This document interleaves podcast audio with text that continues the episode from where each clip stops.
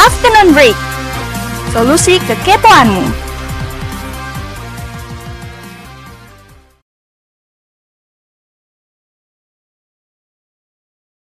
Tirta FM, your academic radio. Yo, what's up guys? Balik lagi di Afternoon Break bareng gua Reva, jodohnya Liminho. Selamat pagi, siang, sore, malam, di mana pun lo berada. Dan ya, ketemu lagi di Afternoon Break Semoga lo gak bosen ya buat dengerin gue terus. Kangen gak sih sama suara gue? Pasti kangen kan? Udah gak sabar juga pasti buat dengerin episode selanjutnya dari Afternoon Break. Ya guys, selamat datang di episode kelima dari Afternoon Break. Ya, kalau ngomongin tentang kangen, wajar sih ya, suara gue emang ngangenin gitu. Nah, ngomong-ngomong soal kangen, lo suka ngerasa tiba-tiba inget sama orang atau sesuatu kejadian gitu gak sih? Dan eh, tiba-tiba malah kangen aja gitu tanpa lo sadarin. Dan gue sering banget sih ngalamin hal kayak begini nih. Dan kayak begini sih emang manusiawi ya, nggak aneh kok. Jadi kalau ngomong-ngomong soal kangen, banyak banget sih hal yang gue kangenin kalau buat sekarang lah ya. Soalnya tahu sendiri ya kan, kita cuma di rumah, di rumah, di rumah, dan di rumah aja gitu selama pandemi ini. Gue yakin sih gue bener kali ini ya Semua orang udah pasti kangen buat keluar rumah Buat belajar di kelas Dan juga nongkrong-nongkrong sama temen-temennya. Buat lo yang masih bisa nongkrong ataupun keluar rumah Di suasana yang lagi pandemi kayak gini Stay safe ya. Pokoknya lu harus tetap jaga kesehatan dan yang terpenting tetap terapin protokol kesehatan COVID-19 ini. Yang pasti lo nggak mau kan kena COVID-19 Nah makanya Pokoknya kudu jaga kesehatan ya. Eh balik lagi nih ngomongin kangen. Gue tuh sekarang jujur aja ya Lagi kangen banget sama suasana kampus Dan kangen juga sih sama temen-temennya sama tempat tinggal gue gue tuh punya kos-kosan guys. Dan kosannya tuh lumayan deket gitu dari kampus. Dan gue sekarang lagi kangen banget sama suasana kosan gue nggak tahu kenapa gue tuh kangen sama kosan gue aja gitu. Padahal nggak ada yang spesial. Cuma gue lagi kangen aja sama suasananya.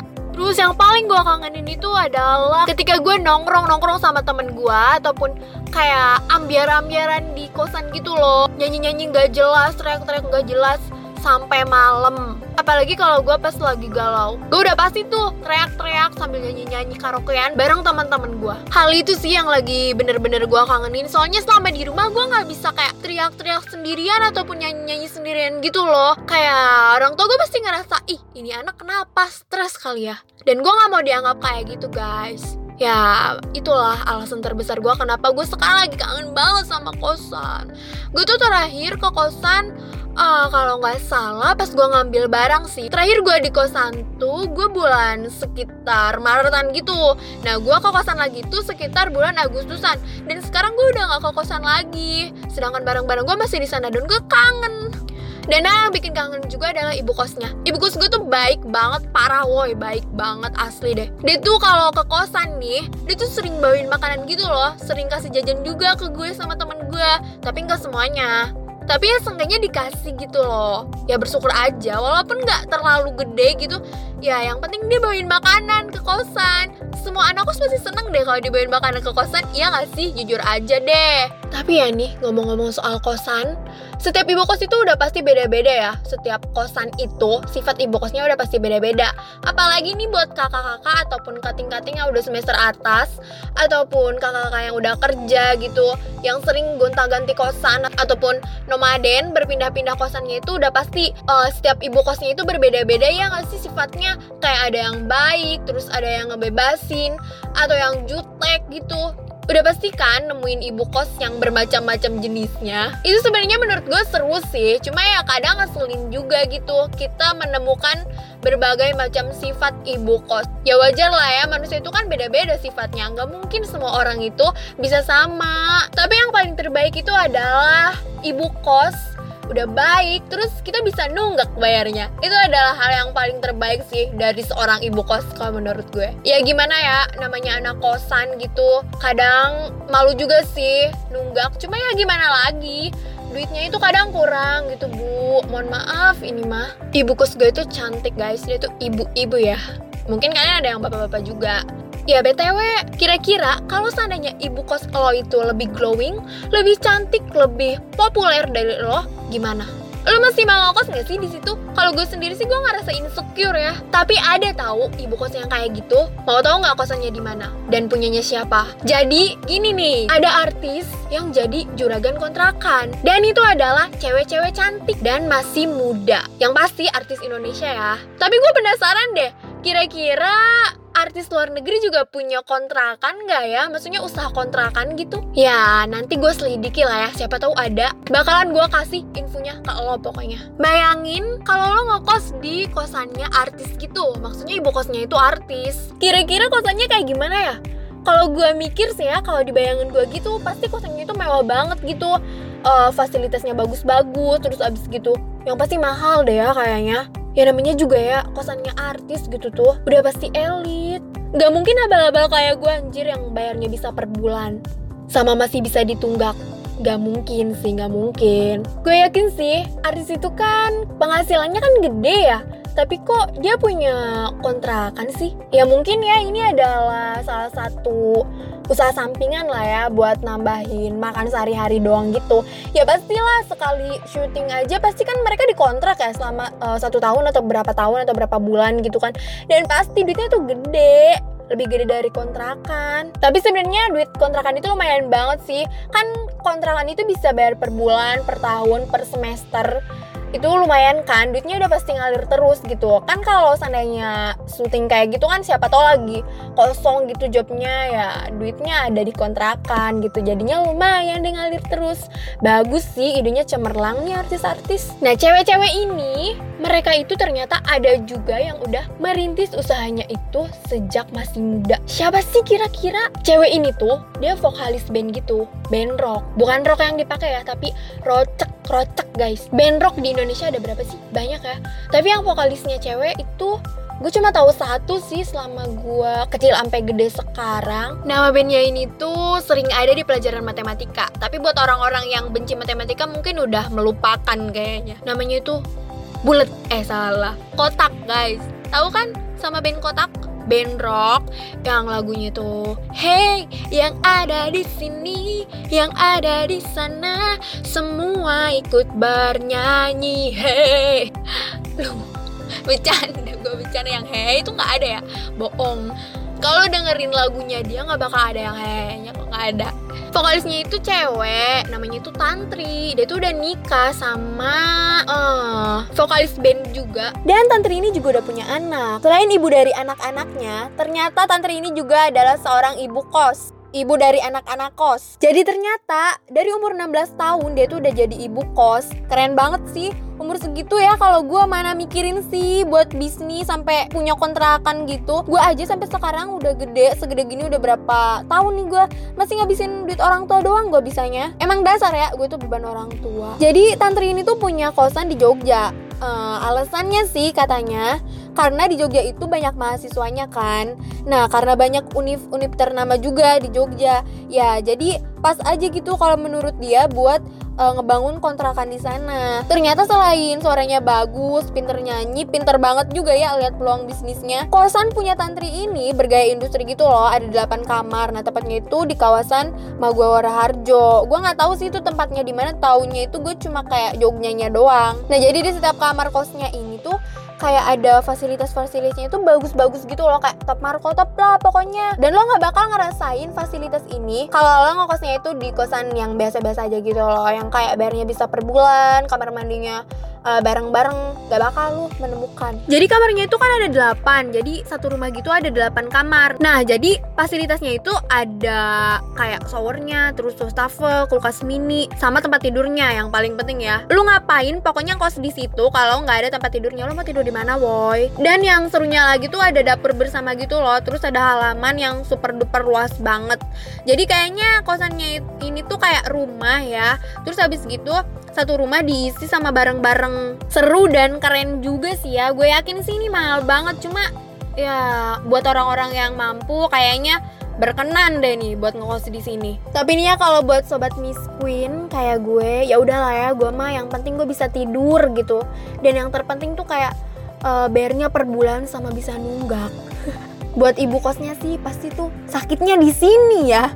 Karena anak kosannya itu bayarnya nunggak mulu pasti nyesek gitu kalau gue jadi ibu kos juga. Sebel bawaannya. Sakitnya tuh di sini. Jadi pengen nyanyi gue eh tahu nggak sih sama lagu sakitnya tuh di sini?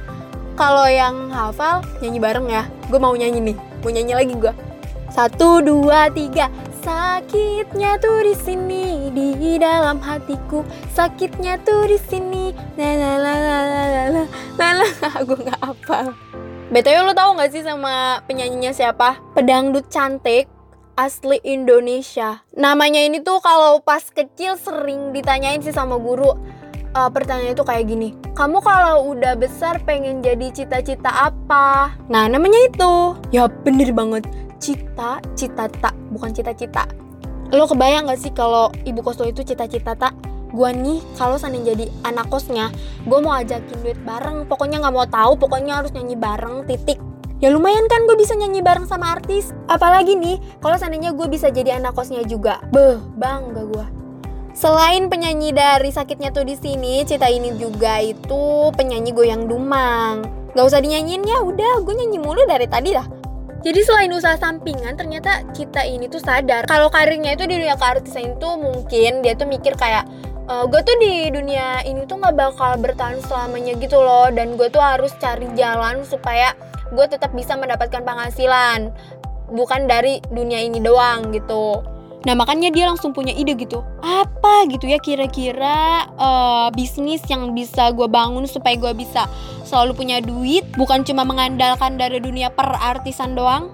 Dia langsung punya ide tuh. Duar gitu. Bikin kosan aja deh di kampung halaman Ini bikin kosannya itu di kampung halamannya di Tasikmalaya Seru nih sesama orang Sunda gue kalau ngokos di situ udah pasti gue bakalan ngajakin uh, ngomong bahasa Sunda mulu pasti ini seru juga. Cita ini tuh artis sekaligus penyanyi juga, juragan kontrakan juga, cantik juga kayak gue. Tapi ada juga nih juragan kontrakan yang lebih cantik. Masih seorang penyanyi dangdut. BTW di sini yang dengerin gue nih ada anak Depok gak sih? Uh, gue yakin sih yang dengerin gue sampai ke ujung dunia juga ada. Dan salah satunya itu ada anak Depok. Nih gue mau kasih tahu nih anak Depok. Ada tetangganya yang mau gue omongin. Soalnya bikin iri sama dengki nih. Udah cantik, sukses, terus punya bisnis lagi. Nih, yang tetangganya Ayu Ting Ting. Pedangdut yang sering banget digosipin. Yang katanya udah deket sama Arafi, terus cerai. Terus habis gitu punya pacar orang India. Keren banget. Gue orang Indo aja susah woi. Lu didapetin orang India. Ya tapi kalau gue bisa milih sih ya gue maunya tetap orang Korea sih. Jodoh gue tuh udah nungguin di sana. Sekarang si Ayu ini bikin gue gempar sendiri masa? Masa dia punya kontrakan bisa-bisanya gitu 100 pintu? Mantep banget gak sih? Dia tuh duitnya udah banyak. Terus lu kenapa sih bikin kontrakan 100 pintu lagi? Nambah-nambah aja duitnya banyak nih.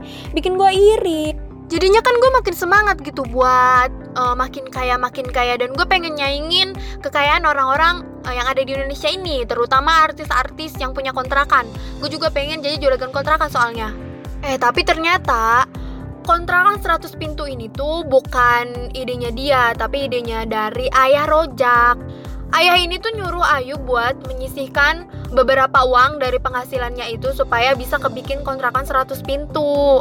Keren juga ya idenya Ayah itu cemerlang banget gitu. Orang tua tuh selalu tahu gitu uh, apa yang terbaik buat anaknya.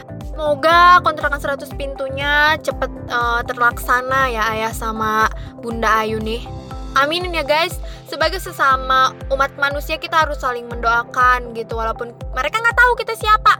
Ya pahala aja gitu kita mah. Nama-nama pahala. Tapi kenapa ya dari berbagai sekian jenis bisnis yang ada di Indonesia kenapa si para ciwi-ciwi ini tuh milih uh, kontrakan jadi bisnisnya? Gue yakin sih mereka punya alasan tersendiri ya. Dan tapi juga gue pokoknya mau banyak tapinya aja nih sekarang. Ada juga cewek yang lain ataupun pendangdut yang lain dari Indonesia.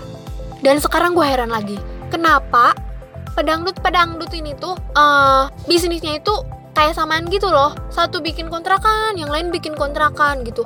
Mana profesinya sama-sama artis terus cewek-cewek cantik juga terus penyanyi dangdut juga.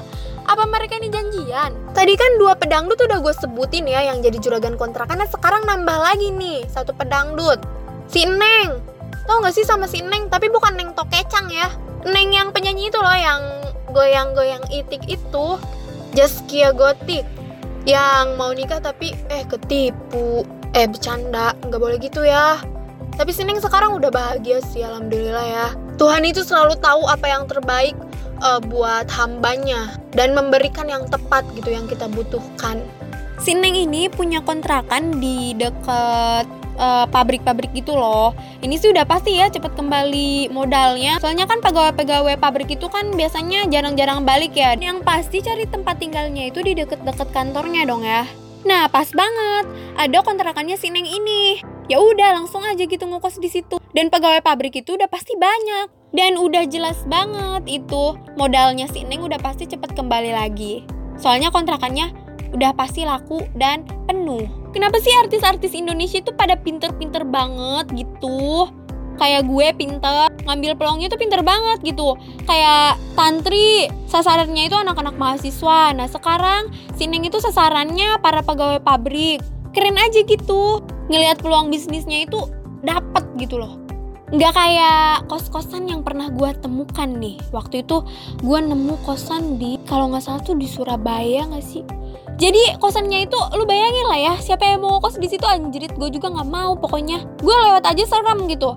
Kosannya itu uh, apa sih emang deket sama kampus tapi dia belakangnya itu kuburan woi bayangin. Siapa yang mau ngekos coba. Emang sih murah gitu ya mungkin murah karena itu tadi mungkin tempatnya itu terlalu strategis ya.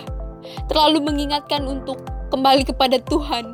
Nah itu menurut gue uh, mengambil peluang ataupun idenya itu kurang cemerlang ya. Ya mungkin dia punya tanahnya di situ kali ya makanya ngedirin kontrakannya itu di situ aja gitu mau nggak mau. Gue nanti kalau udah gede eh sekarang udah gede sih. Nanti kalau udah punya duit gitu gue mau bangun kontrakan gue mau bangun kontrakannya itu di samping mall. Ada nggak ya kontrakan di samping mall? Jadi kontrakan gue tuh uh, udah level bintang 10 buat orang-orang super mega bintang pokoknya kalau perlu kontrakan gue tuh di dalam mall. Gak bakalan ada kan? Gue doang yang bikin kontrakan di dalam mall. Halunya bener-bener nih ya gue udah bener-bener akut nih halunya nih. Tapi aminin aja ya siapa tahu gitu tercapai cita-cita gue bikin kontrakan di dalam mall apartemen ya. Gue namanya nggak mau kontrakan lagi gitu gue mah pengen bikin apartemen. Cantik-cantik pinter melihat peluang bisnis juga terus penyanyi sukses. Itu yang dapetin mereka tuh menurut gue tuh jangan sia-siakan lah. Mereka tuh cewek-cewek yang super bisa nyari duit sendiri sama pinter juga gitu melihat peluangnya. Salah banget pokoknya buat cowok-cowok yang udah menyanyiakan mereka. Ada lagi yang terakhir gue mau kasih tahu ini udah bukan penyanyi dangdut sih. Dia tuh nggak nyanyi dia tuh pemain sinetron film terus sama punya beberapa bisnis juga. Cantik banget pokoknya. Iri lagi nih gue tapi yang bikin iri kali ini bukan dianya sih gue gue lebih iri ke dia tuh punya cowok yang ganteng banget. Tapi masih kalah ganteng sih sama jodoh gue ya Lee Min Ho. Masih kalah jauh mohon maaf. Cowoknya ini juga seorang aktor dia itu sering main di sinetron-sinetron gitu loh kayak di beberapa stasiun televisi. Dan gue juga pernah main bareng sama dia lo tau gak sih? Yang geng motor itu loh yang uh, di jalanan gitu. Gue kan pemeran utamanya ya sama Stephen William. Nah dia tuh main bareng sama gue cowoknya itu. Jadi temennya cowok gue Stephen William. Tau nggak sama Immanuel Cesar Hito pacarnya Felicia mereka tuh bentar lagi mau nikah ya doain cepetan sah mereka nih ya. Felicia ini juga selain punya usaha kecantikan yang sekarang itu skincare-nya ini lagi viral banget. Pokoknya cewek-cewek zaman sekarang itu udah uh, pengen beli gitu termasuk gue gue juga. Pokoknya nih abis gue siaran nih gue mau langsung transfer pokoknya mau beli. Selain punya brand skincare atau usaha skincare dia juga ternyata seorang ibu kos. Dan kosannya ini tuh ada di Manado Sulawesi Utara. Kosannya itu unik katanya ya unik banget. Soalnya uh, di kosannya Felis itu ada hal yang nyentrik gitu yang berbeda dari kosan-kosan yang lainnya jadi di pagernya kosannya Felicia ini tuh ada patung malaikat gitu berinisial FA. Kayaknya ini inisial dari namanya dia Felicia Angelista.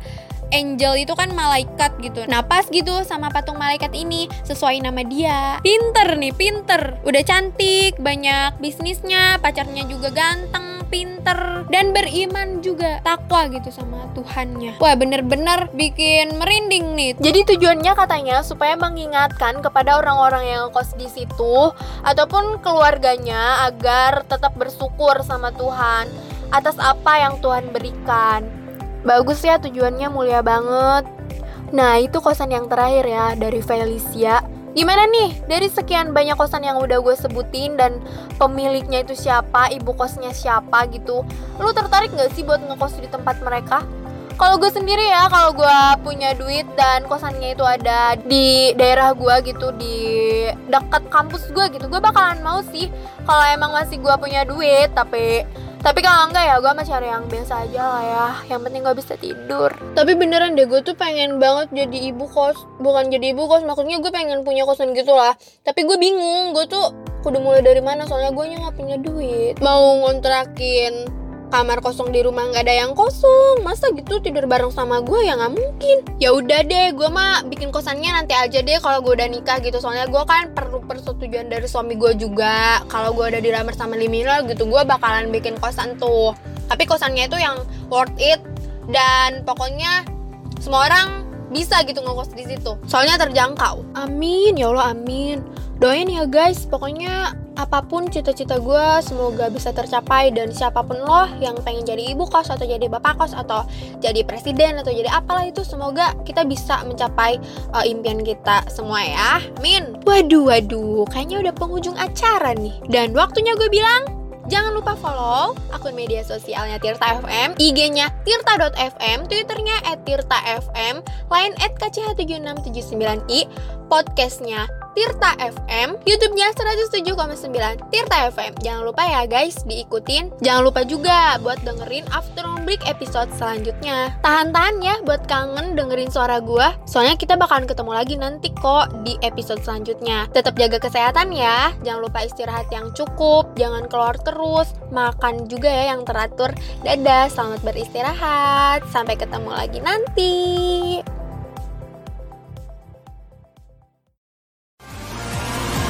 Skinunri.